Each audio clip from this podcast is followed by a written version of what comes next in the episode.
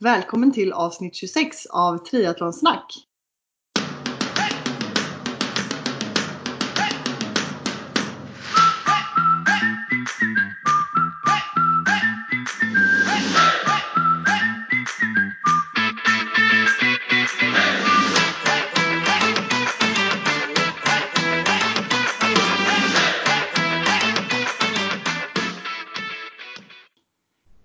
Du lyssnar på Therese och Sofia som idag ska köra en spännande intervju.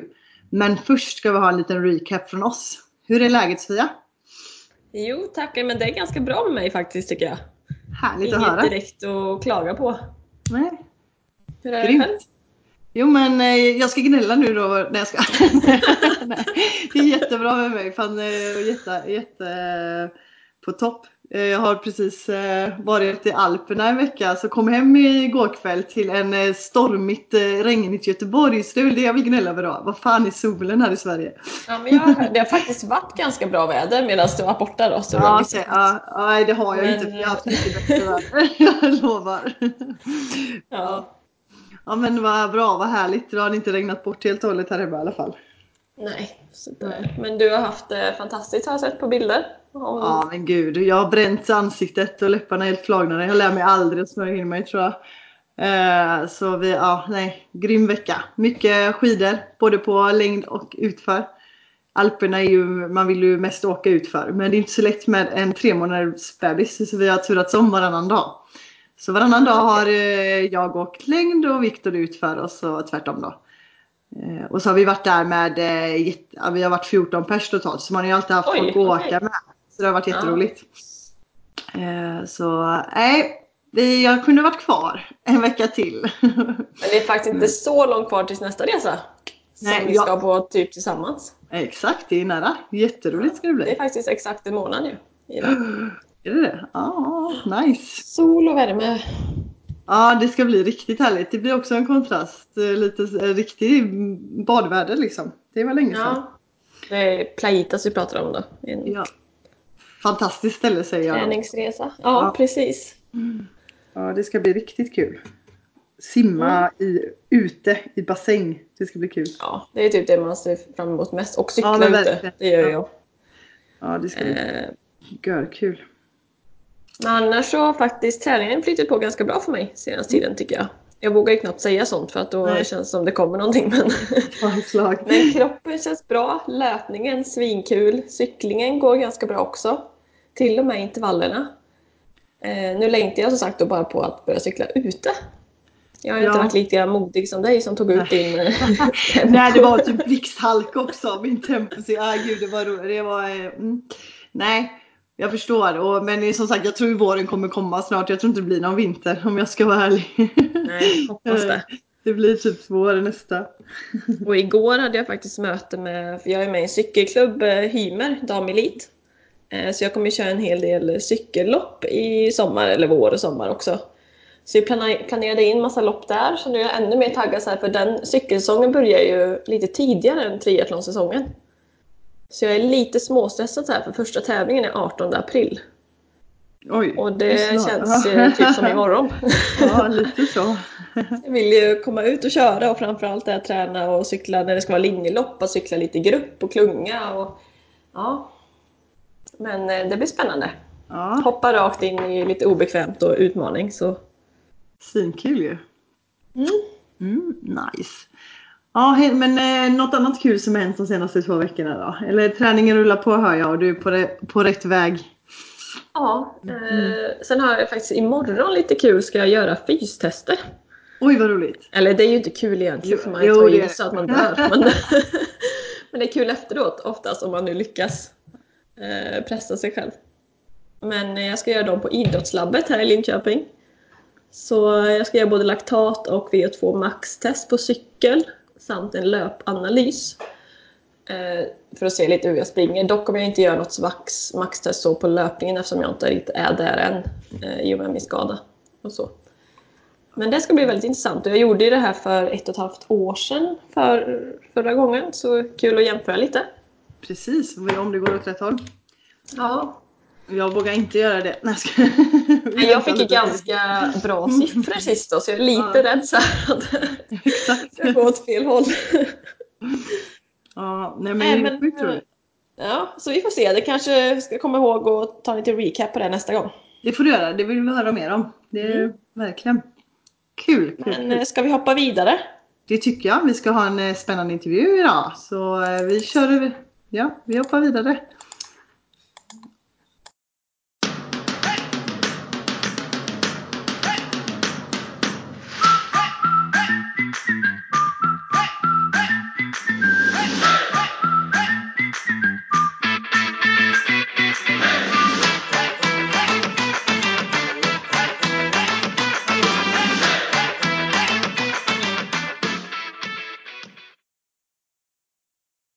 Idag ska vi intervjua Linda Lindhart som är en för detta elitcyklist som numera jobbar ja, bland annat med cykelteam som massör och massa annat som vi säkert får höra mer om. Hon jobbar även som coach via Activitus där hon precis kommit hem från en resa på Gran Canaria. Eh, hon tränar själv väldigt hårt för triathlon där hon bland annat körde 70,3 VM i Nice under förra säsongen. Så det är en, vad jag tycker, mycket imponerad individ med ett enormt driv och väldigt många bollar i luften. Eh, som hon ska få reda ut här för oss. Så jag tycker att vi bjuder in Linda här så hon får presentera sig själv. Välkommen Linda! Ja, tack så mycket. Kul att få vara med. Vilken, du- eh, vilken superpresentation. Vill du börja med att berätta lite om dig själv? Ålder och vart du kommer ifrån och så? Mm. Eh, jag är ju 40 plus kan man säga. Eh, klivit över 40-strecket ganska nyligen. Eh, kommer från eh, Tranås i Småland. Eh, ligger på gränsen till Östergötland i och för sig. Det är bara en fem kilometer till Östergötland då från Tranås. Eh, bor numera i Skara. Eh, flyttade till Skara hösten 95 för att gå cykelgymnasiet. Och sen eh, ja, träffade jag min nuvarande man här. Han är ju Skara-kille. Så att då blev jag kvar i Skara helt enkelt. Eh, efter det. Grymt. Eh, ska se. En liten fråga från mig här då. Din eh, livs, livssituation, hur ser den ut? Eh, ja, jag är då- jag är då gift med Johan. Mm. Eh, sedan 2013. Eh, vi har inga barn, men vi har en, en katt. och vi bor i ett, eh, ett parhus i Skara. Eh, jag jobbar heltid som skolkurator på två låg och mellanstadieskolor för tillfället. Och jag har även två bisysslor då. Alltså dels som coach på Activitus och sen även jobbar jag lite till och från i, i olika cykellag och sådär som, som massör då. Och det kommer vi väl komma in på lite mer senare sen. Då hade jag, jag uppfattar att du har väldigt mycket bollar i luften men då hade jag till och med missat ditt heltidsjobb. Ja, exakt. Ja men det är många som tror att jag liksom att Activitus är min huvudsyssla om man säger, men det är en bisyssla faktiskt egentligen. Jag jobbar som konsult mot Activitus då. Då är min första fråga här då, hur hinner du med alla de tre jobben?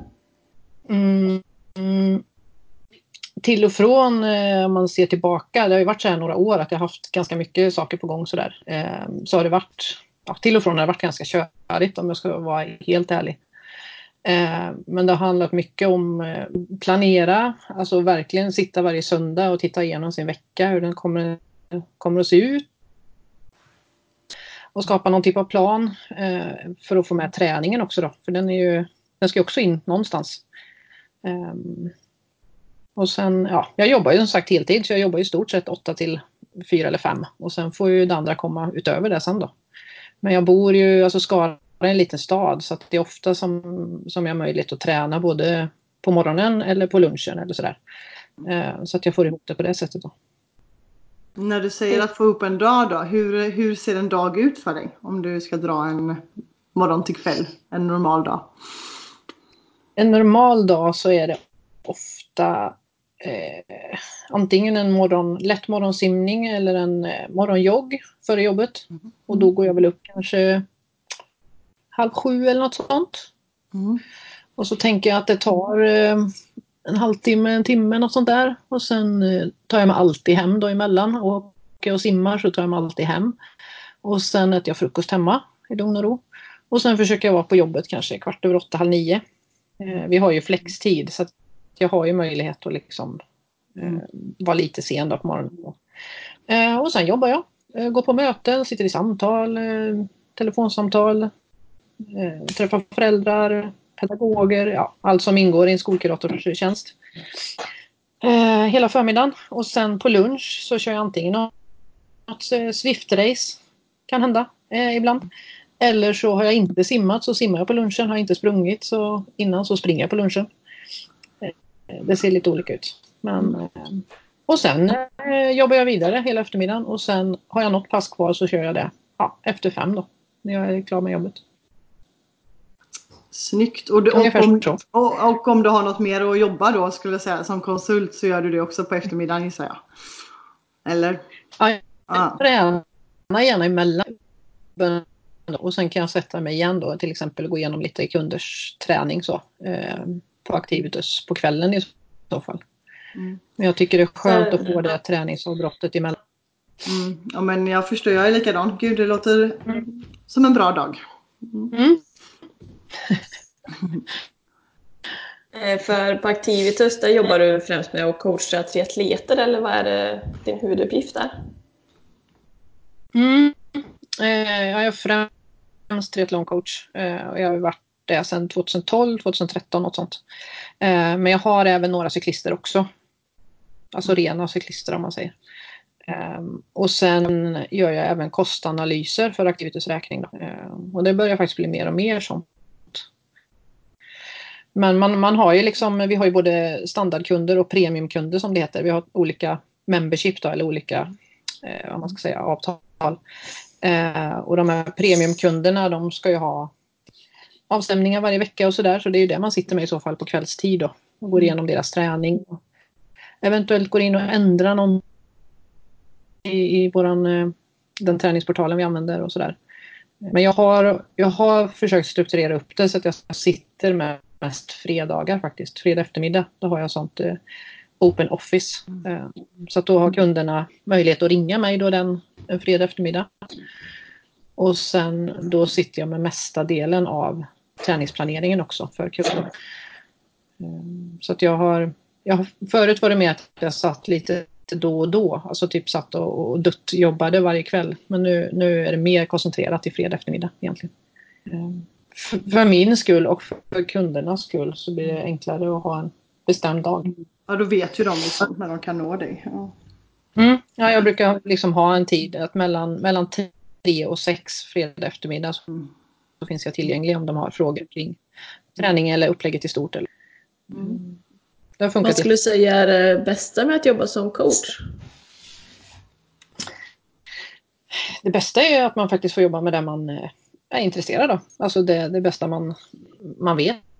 Eh, eh, träning. Och att man också har möjlighet att lära mycket av andra. Det finns ju, vi är ju många coacher på Activitus. Så att vi har ju ett, ett stort utbyte av varandra. Eh, Det finns liksom mycket, mycket kunskap att hämta från de kollegor och sådär också. Eh, Och sen tycker jag också att eh, det är ett jobb som går att ta med. Man kan eh, sitta och pyssla med det lite vart som helst. Mm. Det tycker jag är lyxigt. Att jag, både jag och min man gillar att resa och vi är ute mycket och åker. Och, och då kan jag liksom sitta på, på en uteservering i, i Palma och dricka en kaffe och sitta och gå igenom träning, kundernas träning. Liksom. Det, det tycker jag är lyxigt. ja det låter lyxigt. Men du säger ju att du, eh, du eh, konsultar. Då antar jag att du är egenföretagare också eller? Eller? Mm. Har, Jag mm. startade ett eget, eh, ett, ett eget bolag 2010. Eh, gjorde jag. Och då till en början så var det för att jag personligen då i egen regi utformade lite träningsprogram sådär på hobbynivå till, eh, till bekanta i första hand var det ju då. Eh, sen känner jag Sara och Mattias som startade Activitus. De känner jag sedan gammalt genom mountainbike. Eh, Och när de startade Activitusen då så frågade de om jag ville hoppa på tåget egentligen då och jobba mot, eller för dem. Mm. Um, och då hade jag ju liksom redan mitt, mitt enskilda bolag så då valde jag att köra på med dem helt enkelt. Um, så att jag har egentligen varit hos dem sedan Sen start? Ja, 2012 eller något sånt. Ja, i stort sett. Mm. Om vi hoppar över lite till din eh, egna träning då. Hur ser din träningsbakgrund ut och hur kom du in sen på triathlon? Mm. Eh, jag är som många andra triathlontjejer så är jag hästtjej från början. eh, hade egen häst och tävlade i hästhoppning och sådär. Eh, det är många som har gjort.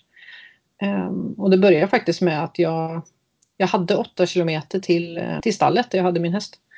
Så att jag, jag cyklade dit helt enkelt, eh, fram och tillbaka och sådär. Och sen eh, märkte jag att jag började cykla ifrån mina, mina hästkompisar liksom. Och eh, jag fick i samband med det också en lite bättre cykel. Jag fick, min, min pappa köpte mig en mountainbike i, och jag kommer inte ihåg om det var julklapp eller födelsedagspresent så. Men, eh, och då cyklade jag ifrån dem ännu mer såklart. Eh, det var lite kuperat och lite grusväg dit och sådär. Och så, 92 sen så började jag faktiskt träna mer mountainbike seriöst. Och det var i samband med lite tragiskt, min häst, min häst blev sjuk så vi var tvungna att ta bort henne. Eh, och då blev det ganska naturligt att jag hade känt då att jag var liksom stark på cykeln och jag började fatta tycke för cykel. Och sen när hästen försvann så blev det att jag fortsatte cykla. Bara då, om man säger så. Ehm, så att jag har cyklat sedan 92 egentligen. Och mest mountainbike till en början. Ehm, och sen kom jag in på cykelgymnasiet då 95 till 98 som mountainbikecyklist. Ehm, sen var det egentligen på cykelgymnasiet man, man kom mer in på landsvägscykel för att de, man tränar väldigt mycket tillsammans. Och det var där jag började köra landsväg. Eh, eller tvingades köra landsväg då också för att kunna träna med de andra. Eh, så att jag har mest tävlat på mountainbike faktiskt på elitnivå. Eh, landsväg har jag kört lite, jag har kört något, något SM och sådär men inte alls på samma sätt som mountainbike. Mountainbike har jag kört EM och VM och, och sådana eh, tävlingar. Eh, ja, sen eh, kom jag in på triathlon, början på 2000-talet. Ledsnade lite på cykel. Min pappa hade börjat med triathlon så han fick in mig där också. Eh, han sa det, ja men du har alltid löptränat liksom, så hur svårt kan det vara att, att, att köra triathlon? Och så, ja. Det är bara, det den här simningen Jag också. simma också. Precis, det var ju den som var grejen. Att eh, det var en riktig utmaning och jag skulle fortfarande inte säga att jag är en särskilt bra simmare. Eh, utan jag, jag kämpar med simningen och cyklingen har jag mycket gratis såklart. Eh, och löpningen det går. Det blir som det blir lite. Men, men jag körde min första så här, motionstriathlon på Mount bröstsimmandes och joggandes i mål runt ja, 2002 eller något sånt där. Um, och sen, eh, jag vann den motionsklassen då kommer jag ihåg. Jag körde i Örserum, en sån där gammal klassisk tävling som fanns förr. Och sen körde jag någon mer motionstriathlon och så vann jag den också på min mountainbike. Och så tänkte jag att det här kanske kan vara något ändå. Och så började jag köra lite Sverigecup. Ehm, det var på den tiden Sverigecupen i triathlon bestod av 10 till 12 deltävlingar. Ehm, och man fick räkna okay. bort två. Mm. Ehm, så då körde jag sprint olympiskt till en början och sen kände jag att jag är nog bättre på lite längre distanser. Jag är ganska seg sådär. Kan hålla på länge. Så då gick jag mer och mer över till medeldistans egentligen sen och, och långdistans. Då. Eh, ja, det är väl i, i, kort min, min bakgrund. Men är du liksom nöjd med att du kom in på triathlon eller saknar du själva bara cykelbubblan? Att bara hålla på med cykel? Mm, jag känner att jag just nu som det är så får jag liksom ha lite en fot på i, i varje sport eller i varje idrott. Eh, för jag får dels hänga kvar i cykel i och med en av mina bisysslor. Eh, så att, och jag skulle liksom aldrig kunna släppa cykel helt för det är verkligen det som ligger mig varmast om hjärtat. Så. Mm. Men samtidigt får jag, hålla på med, får jag hålla på med triathlon som utmanar mig lite mer och som ger den här variationen. Som man kanske inte får eh, inom enbart cykel. Då.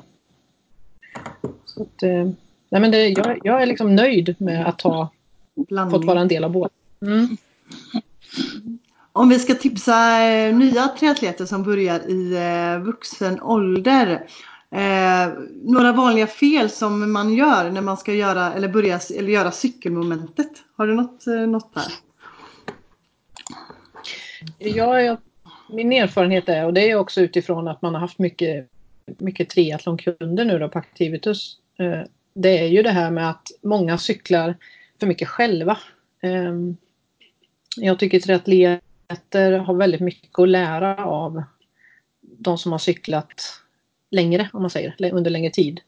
Eh, så att man ska försöka cykla mer dels i grupp med andra som är vana cyklister. Eh, bland annat för att lära sig det här och liksom ligga tillräckligt nära på rulle och sådär så att man liksom nyttjar varandras eh, eh, kapacitet. Eh, och sen tycker jag också att många kunder när jag får dem som är triatleter, de, när de berättar hur de har tränat cykel och så, att de cyklar väldigt ensidigt. Eh, man kör liksom ofta samma typ av pass eh, på samma intensitet och cyklar ungefär på samma tid. Eh, sådär. Så där har man också mycket att lära just rent av cykel. Då, att man kan, eh, hur man kan variera sina pass. Ehm, och sen upplever jag att triatleter kanske är lite sämre på att ta i på cykeln än vad cyklister är. Ehm, att man inte vågar riktigt ta i. Man känner liksom kanske inte vart man har sin, sin gräns och hur mycket man vågar ta i. Ehm, så det, det ska man också försöka utnyttja. Mm. Om, man, om man tänker lite tvärtom då, säger att man är en triatlet men vill börja köra liksom mer cykel, kanske börja testa lite linjelopp och så. Vad bör man tänka på då, tycker du? Eh, ja, men först tycker jag att man ska testa, om man inte liksom har testat något rent cykellopp förut och är helt eh, novis på det så. Då tycker jag faktiskt man ska köra några sådana här vanliga motionslopp först. Um, för, alltså, för då får man dels lära sig det här att köra mer i klunga. Man lär sig att liksom se lite hur det fungerar. För cyk inom cykel finns det ju väldigt mycket olika tecken och sådär man använder när man cyklar. Eh, som man som triatlet kanske inte har koll på. Eh, man visar till exempel om det är ja, gropar i vägen eller hur man ska ligga. Man ska ligga på ett led eller två led i klungan och ja, sådana saker. Så jag tänker att börja jag köra lite vanliga motionslopp. Både för att se vad som händer och sen för, för tränings skull såklart. Eh, innan man liksom tävlar i cykel och kör ett riktigt linjelopp då. Eh. Skulle du säga att liksom linjelopp och liksom den typen av cykel är bra för en triatlet för att den ska utvecklas i sitt triathlon? Mm. Jo, men det tycker jag nog alltid. Jag är mycket för det här att man ska att liksom tävling är bästa träning. Um, så att vill man utvecklas som cyklist, mm. alltså, eller som triatlet i cykelmomentet, det är väl bättre att säga. Så tycker jag absolut man ska dels som sagt träna mer med riktiga cyklister och så kanske utmana sig då och köra något, ja, antingen motionslopp eller ett riktigt linjelopp då. Um, mm. Absolut. Mm. Vad är du mest stolt över av dina prestationer?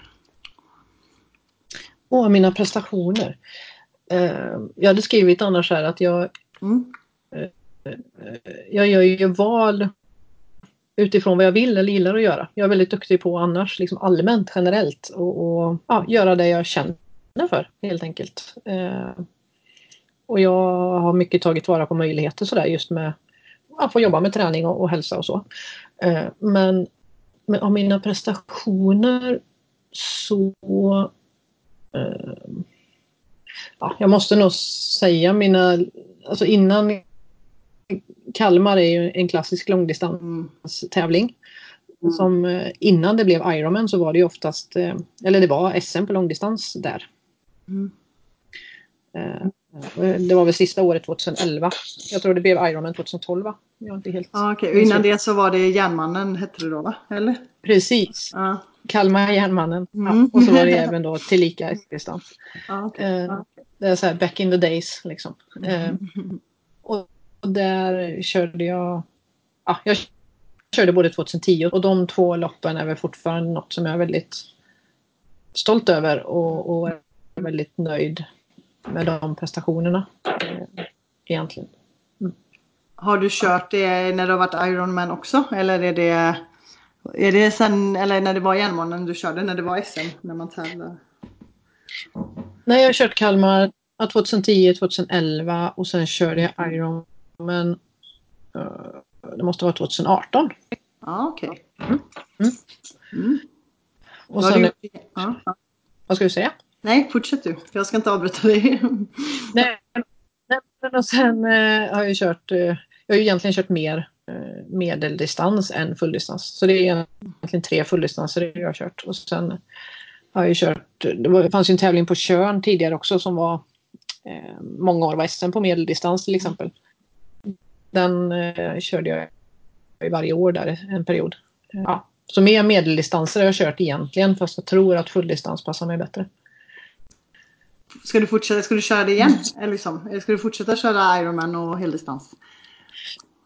Um, ja, i år är jag anmäld till Jönköping. Ja.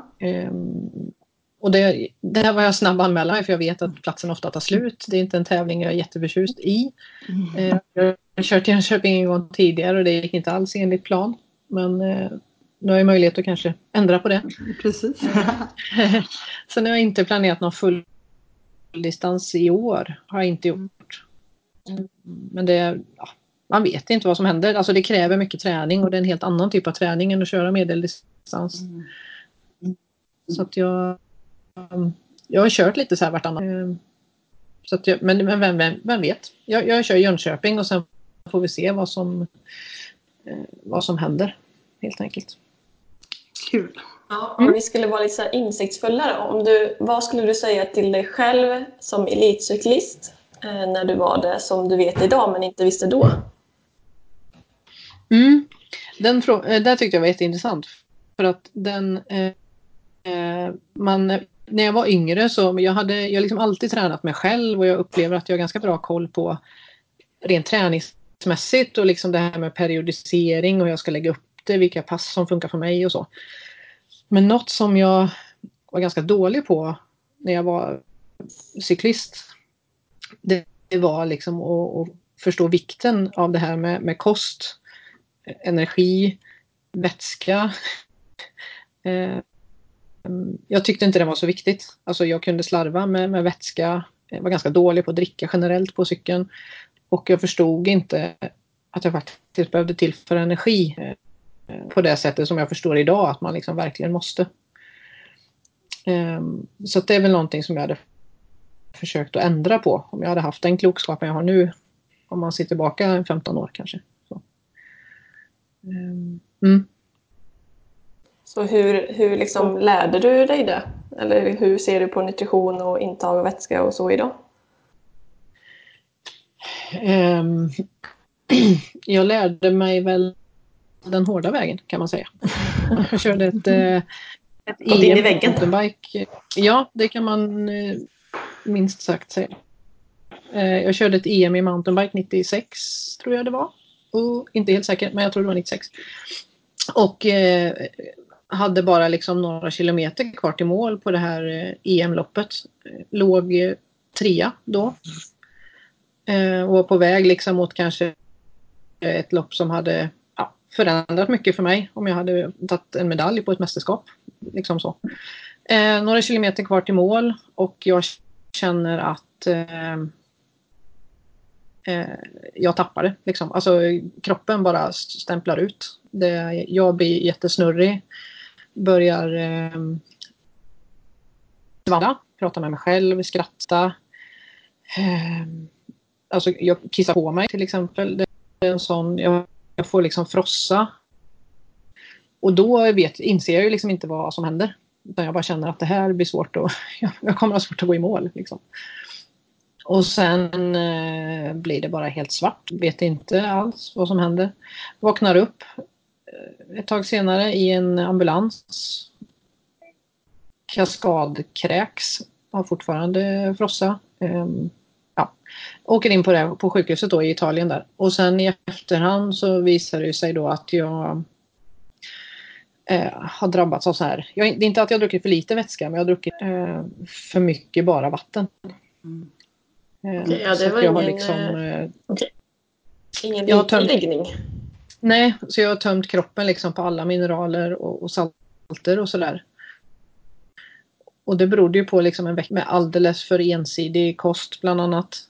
Eh, för lite tillsatt salt, alltså tillsatta salter och, och, och sportdryck och vätskeersättning och sådana saker. Och eh, ja. Där och då lärde jag väl mig och, och alltid försöka ha en plan.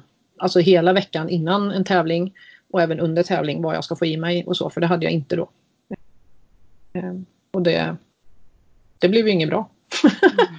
Helt enkelt. Nej, Inget ont som inte har något gott med sig. kan Nej, man exakt. säga då.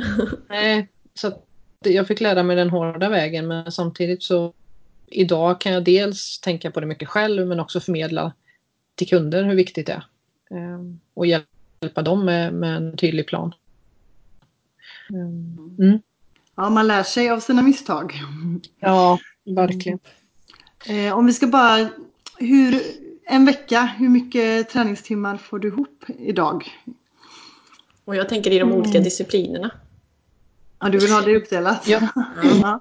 Detaljer. detaljer. Det är ju jätteolika verkligen beroende på vart på året vi befinner oss såklart. Mm. Eh, Det jag försöker är, jag har liksom en sån här grundplan att jag ska cykla, springa varannan dag. För det har jag märkt att det är, det är en bra eh, en bra uppdelning för mig. Jag ska inte springa två dagar i rad för då får jag betala för det tredje dagen. Utan jag cyklar och springer varannan dag och så försöker jag ungefär tänka det samma med simningen. Eh, Men i cyk- eh, kanske det blir eh, tre, fyra timmar cykel. Alltså en vanlig vecka. Mm. Nu, den här tiden på året. Är det varmt och jag liksom börjar cykla distans ute då är det ju betydligt mer. Då kanske det är 8-10 timmar cykel på en vecka. Mm. Eh, Och löpning ligger jag väl på, jag räknar inte så mycket i tid utan det är mer kilometer. Eh, Tre, fyra mil i veckan. Ungefär. Eh, Uppdelat på olika pass. Och simning blir ju kanske en tre, ja, timmar i veckan. Något sånt, tre, fyra, för att pass eller? För att tre, fyra Timmar. timmar. timmar? Ja. Mm. Kör du någon ytterligare? Och jag är sån här, jag tänker ofta, Ja. Fortsätt du. För mig är kontinuitet viktigare än att det blir liksom speciellt långa pass. Alltså jag kan gå ner och simma, som jag sa, jag berättade att jag simmar antingen morgon eller lunch ganska ofta. Mm. Och då pratar vi att jag simmar 1000-1500 meter. Mm. Men jag gör det å andra sidan då varannan dag. Så att för mig är kontinuitet väldigt mycket viktigare än få gånger i veckan och väldigt långt.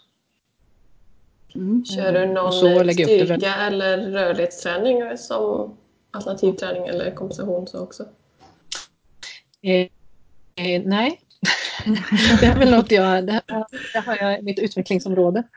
Jag har varit väldigt dålig liksom alla år tillbaka också när jag var cyklist och, och just eh, lägga tid på styrketräning, eh, rörlighet och sådana saker.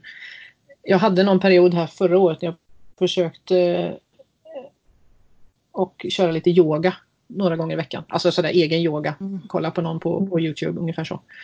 Ehm, men annars så, så är jag väldigt mycket för att köra, alltså den styrketräning jag kör, kör jag i de vanliga passen jag kör, om man säger så. Så att jag kör inte, jag plockar inte ut styrketräningen på enskilda pass på gymmet utan däremot kör jag kanske styrkeintervaller på cykel, springer löpning i backe, eh, vilket ger då i stort sett samma effekt. Mm, ja. Men det har du haft, eh, haft tur och hållit dig att skadefri? Ja, eh, min kropp tycker jag är fantastisk. Jag är, eh, nu har jag precis varit sjuk i och för sig, men jag är väldigt sällan sjuk, måste jag ändå säga. Eh, har haft en enda liten skada sedan 92 när jag började med, med mountainbike. Eh, jag hade en, en inflammation i en ledskida i ena foten. inför Kalmar 2011. Det är det enda jag har haft helt enkelt. Det låter underbart. Men jag är, Ja, jag är väldigt... Eh, nej, men jag tänker att alltså, nyckeln ligger mycket i att vara väldigt lyhörd på sin kropp. Eh, alltså minsta lilla signal att någonting inte står rätt till så är jag, jag, jag är ofta överförsiktig. Eh, alltså, är det något som inte känns bra då kanske jag står över träning helt en dag eller kör typ simning då som nästan alltid funkar. Så att jag, eh, ja, jag, jag har blivit klok med åren och lärt mig och eh, lyssnar mycket på kroppen. Om vi tänker träning då, har du något favoritpass? Mm. Eh, långa distanspass. På cykel då såklart. Ute i solen. Alltså gärna Underbart. på, på Mm. andra ställen. på jorden Typ Gran Canaria. just hemma kanske. Men jag, jag tycker Gran Canaria till exempel. Eh, Mallorca allra helst om jag får välja. Men, men cykla långa distanspass ute i fint väder. Det, det finns inte mycket som, som slår det. Eh, om vi ska gå till motsatsen då. Vad gillar du minst? Sådana här måste göras pass. Först tänkte jag så här, alla simpass. Men eh, så. Ja. Låt som mig. Det är många triatleter som tänker så tror jag. Nej men eh, alltså hårda löppass ute tycker jag är, är tufft mentalt. För att jag är inte, alltså jag är verkligen inte född löpare utan jag har fått slita med löpningen. Och springa ute hårda pass, då får jag liksom ta mig samman så mycket så att det kostar väldigt mycket energi även mentalt. Eh, Så för att du springer sådana hellre, hellre tuffa löppass inne? Är det löpan du menar? Mm. Ja. För löpan, då, då kan jag liksom inte... Det är mycket, då kan jag inte komma undan. Utan då, då får jag liksom bara ställa in på den farten jag har tänkt och då kör jag mina intervaller. Eh, ute så måste man mycket mer hålla ihop sig tycker jag för att hålla fart. Eh, du måste samla dig på ett annat sätt. Eh, så att intervaller på löpband funkar mycket bättre tycker jag än, än springa intervaller ute. Ja, Mm. Intressant. Vad, vad är dina mål med din träning just nu? Just precis nu så är det ju det här att komma tillbaka från två veckors seg förkylning. Eh, jag var förkyld även de tre första dagarna då på Gran Canaria nu när vi var, var iväg. Så att det har varit mycket bara försöka bli kvitt den förkylningen och, och komma igång igen. Eh, jag fick ju cykla då de sista dagarna. Tyckte jag kändes, kändes bra. Eh, och nu när vi har kommit hem precis så är det ju att komma in i de här träningsrutinerna hemma igen. Få till även simning och löp. För det var, var det väldigt dåligt med på Gran Canaria. Eh, och sen eh, om man tänker längre fram då så skulle jag vilja eh, kvala till VM 2021 faktiskt. Så det är egentligen det jag tränar för och försöker ha i bakhuvudet hela tiden. I medeldistans då? Ja, ja precis. Ja. Medeldistans VM 2021 Ja. skulle jag vilja köra. Vart går det? Det går i Utah i USA. Vad har du för plan B då om du inte lyckas med det i Jönköping? Min plan är att jag, jag tänker att jag gör ett första försök i Jönköping. Jag lägger liksom inte jättemycket krut där utan kvalar jag så kvalar jag. Eh, Men samtidigt tänker jag att jag har liksom hela hösten plus våren efter det i så fall på mig eh, att kvala. Så då får man ju kika i så fall vilka tävlingar som kan liksom passa i tid och, och passa ihop med, med jobb och diverse andra saker. Och så köra något mer helt enkelt för att kunna kvala då. Det är väl... Eh, så att Jönköping är liksom... Jag, jag tog ju den första möjliga tävlingen och kvalar jag inte där så har jag jättelång tid på mig. Det var väl det som var tanken. Mm. Eh, jag har hört att du har drabbats av järnbrist. Hur, eh, hur märkte du det och vad beror det på?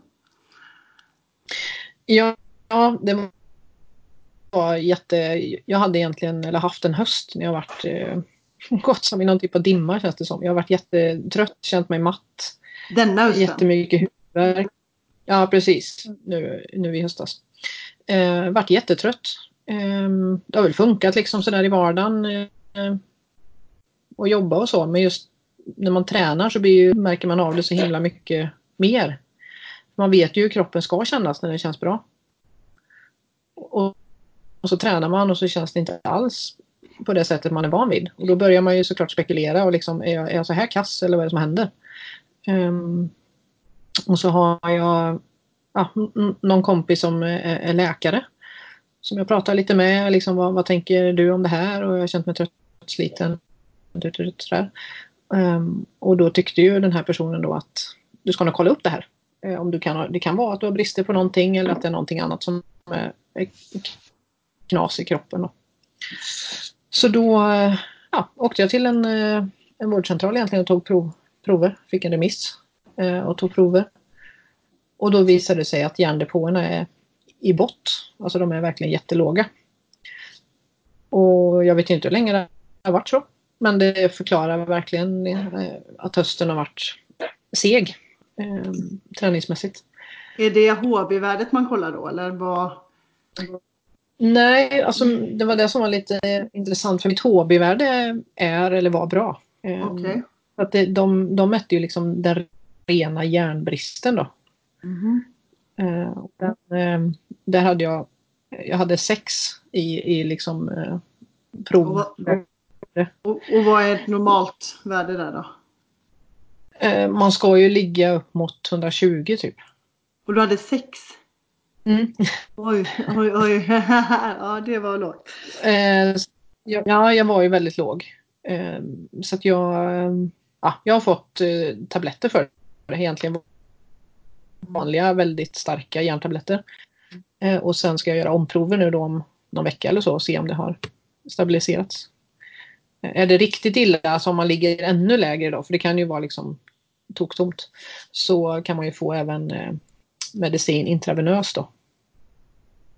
Och då går det ju fortare att bygga upp depåerna igen. Men eh, jag, de började med tabletter i mitt fall då. Så att jag, jag hoppas, jag, jag tyckte liksom innan jag blev sjuk ändå att träningen kändes mycket bättre. Så att jag hoppas att de har fått ordning på det. Jag tänkte fråga dig, hur påverkar detta din träning och kropp? Alltså, har du känt att du inte fått ut det du kan liksom? Nej, men sen blir det ofta mycket mer, jag tycker det är mest jobbigt mentalt. Uh-huh. Alltså när man känner att kroppen inte svarar och man försöker liksom ändå köra de pass man har planerat och så svarar inte kroppen och då ska man ändå mentalt försöka liksom att genomföra det så gott man kan. Det tycker jag, det är väl det som har varit tuffast. Mm. Och jag vet, jag kör eh, Aktivet USA sån här eh, två timmars pass varje söndag morgon som är ganska tuffa. Och så tyckte jag då varje söndag att fasen ska jag behöva sänka, för man kan ju sänka i Swift sin, eh, eh sin FTP eller sin eh, tröskel mm. under tiden man kör. Och jag fick bara sänka och sänka och sänka och sänka. Så tänkte jag, alltså jag är så kass. och då gäller det att försöka liksom ändå vända den någonstans och, och genomföra passet. Um, så det, det har blivit lättare också sen jag fick förklaringen såklart. Mm. Har du känt att det, att har eh, gått åt rätt håll? Jag... Mm. Jo, jo, men jag tycker som sagt, eh, alltså passen innan jag blev förkyld här nu då för två veckor sedan så kändes det, då kändes det jätteskillnad. Um, och jag kände mig stark igen. Och jag har inte känt mig stark på flera månader. Men då fick jag en förkylning istället. Um, och det kan ju också ha berott på alltså att värdena är låga om man säger så. Mm. För man blir ju mer eh, mottaglig. mottaglig för annat också såklart. Mm. Men nu, det blir intressant nu när jag liksom får, ja, bara får komma igång igen efter förkylningen och få träna på kanske några veckor och se liksom vad som, ja, hur det känns och, och, och om kroppen svarar bättre. Men vet du varför du fick järnbrist? För... Nej, det är lite oklart. För läkaren pratade med mig till exempel och frågade om jag hade väldigt ja, riklig menstruation och så. Um, och det, det har jag inte, eller inte ovanligt um, mot någon annan. Men um, jag har en kronisk eh, tarmsjukdom också. Som, eh, och det kan vara så att i och med den sjukdomen då, ulcerös kolit, så kan det vara så att det sker små, små mikroblödningar hela tiden. Um, för det är liksom en kronisk inflammation och det kan vara så att det kroniskt blöder blöder lite, lite hela tiden vilket gör att jag tappar blod. Då. Eh, och samtidigt kan det också vara så att tarmen har svårt att ta upp järnet i och med inflammationen. Så ja. det är väl det som är mest troligt egentligen. Ja. Eh, och, och, i så fall vad de gör åt det, det, jag, det vet jag inte. Jag tänker att jag får fortsätta kanske att äta, alltså komplettera, komplettera kost, järntabletter helt enkelt. Jag hoppas att det funkar, att kroppen tar upp det, att de fått mm. bättre resultat nu då. Mm. Ja, men jag ska ju testa mig här nu. Ja, jag har ju varit borta nu så att jag kommer att försöka komma in till och testa mig här i, i, inom någon vecka. Och så får vi se om det har stigit. Men, men det kan vara ett tips till andra. Ja, det kan vara ett tips till andra för de, de menar ju på det att det är väldigt många som går med järnvikt som liksom inte vet om det. Men då är så. första liksom, symptomen att man blir lite trött och hängig, liksom, känner sig svag? Typ. Ja, matt, trött, hängig. Jag hade väldigt ont i huvudet stundtals. Mm. Eh, och just det här att man specifikt när man tränar så känner man att kroppen är inte så lik. Och då, då tycker jag att det kan faktiskt vara bra att åka och, och testa mm. blodprov. Ja men det är bra att veta. Ja verkligen. Mm. Mm. Var uppmärksam på signalerna. Ja. Mm. Precis. Det är faktiskt alla frågor vi hade nu men vi har fått in en del lyssnarfrågor som vi tänkte gå igenom. Mm. Eh, och den första frågan är från Johanna som undrar om du tränar kvinnospecifikt och i så fall på vilket sätt? Och jag antar att hon menar kanske eh, Eh, om man tänker liksom menscykeln och så som vi har haft mycket prat om innan, om du gör någon periodisering i din träning eller liknande? Just det. Eh, I dagsläget gör jag liksom ingen skillnad. Eh, utan jag, jag tränar ju varje kund utifrån de förutsättningar de har, alltså med tider och jobb och sådär. Och deras testresultat. Eh, men däremot har vi inom Activitus börjat prata om mer det här eh, med menstruationscykeln och att man ska anpassa efter det och så. Eh, så det är något som vi, vi kikar på och som eventuellt kan komma att bli mer och mer av då. framåt. Men, men just idag är det ingenting som liksom jag, det är ingenting jag tar upp med mina kunder om de inte tar upp det först. Nej. Mm. Så. Nej. Men, men, är det en kund som liksom själv känner sin kropp så väl och känner att de här veckorna specifikt fungerar min kropp sämre eller bättre eller så, då absolut så anpassar vi efter det. Men eh, det är inget jag lägger fokus på så just, just idag egentligen. Nej, lyssna nummer två. Eh, vad är din eh, främsta motivationstänk som får dig att fortsätta varje morgon? Vad driver dig är väl frågan egentligen. Mm. Ja, precis.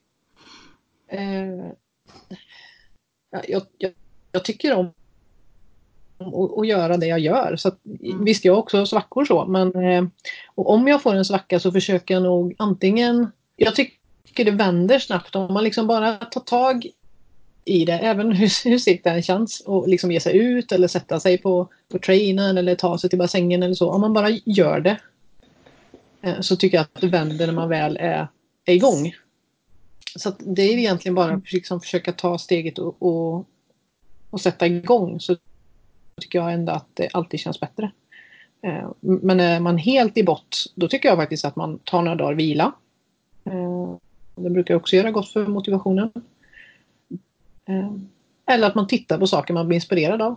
Alltså videos eller det brukar ju Ironman har ju såna här jättebra filmer, sammanfattningar från tävlingar eller mm. sådana saker som jag också tycker höjer motivationen.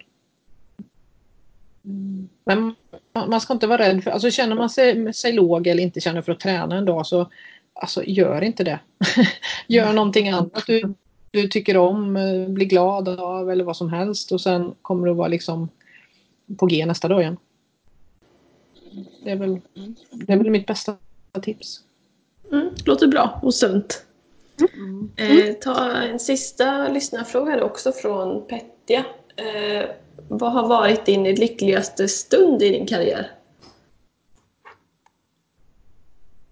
Mm. Alltså det har nog inte med en prestation egentligen att göra utan en lycklig stund kan ju bara vara, vilket vi var inne på förut, de här underbara passen i solen. När man eh, glider fram på, på fina torra vägar, stannar och tar en kaffe på något litet eh, café. Eh, fortsätter cykla med människor man tycker om i solen. Eh, så jag har liksom inget speciellt egentligen så någon prestation så som jag vill lyfta egentligen utan det är mer allmänt. De här stunderna ja, i vardagen egentligen. Man kan ju ha sådana både simpass och löppass också. Att man eh, verkligen njuter av när kroppen känns, känns bra. Ja men det är väl helt okej det med. Njuta av de små moments mm. i, i livet. Ja och allt inte handlar liksom om, om tävling eller prestation eller att det är där man ska hitta de lyckliga stunderna utan att man gör det även i, i träning och, och i, eh, vissa, på vissa specifika dagar. Mm. Mm. Har, har du Linda någon fråga du vill eh, ta upp eller som du känner att du inte har svarat på som du tror att lyssnarna är intresserade av? Ja, jag vet inte.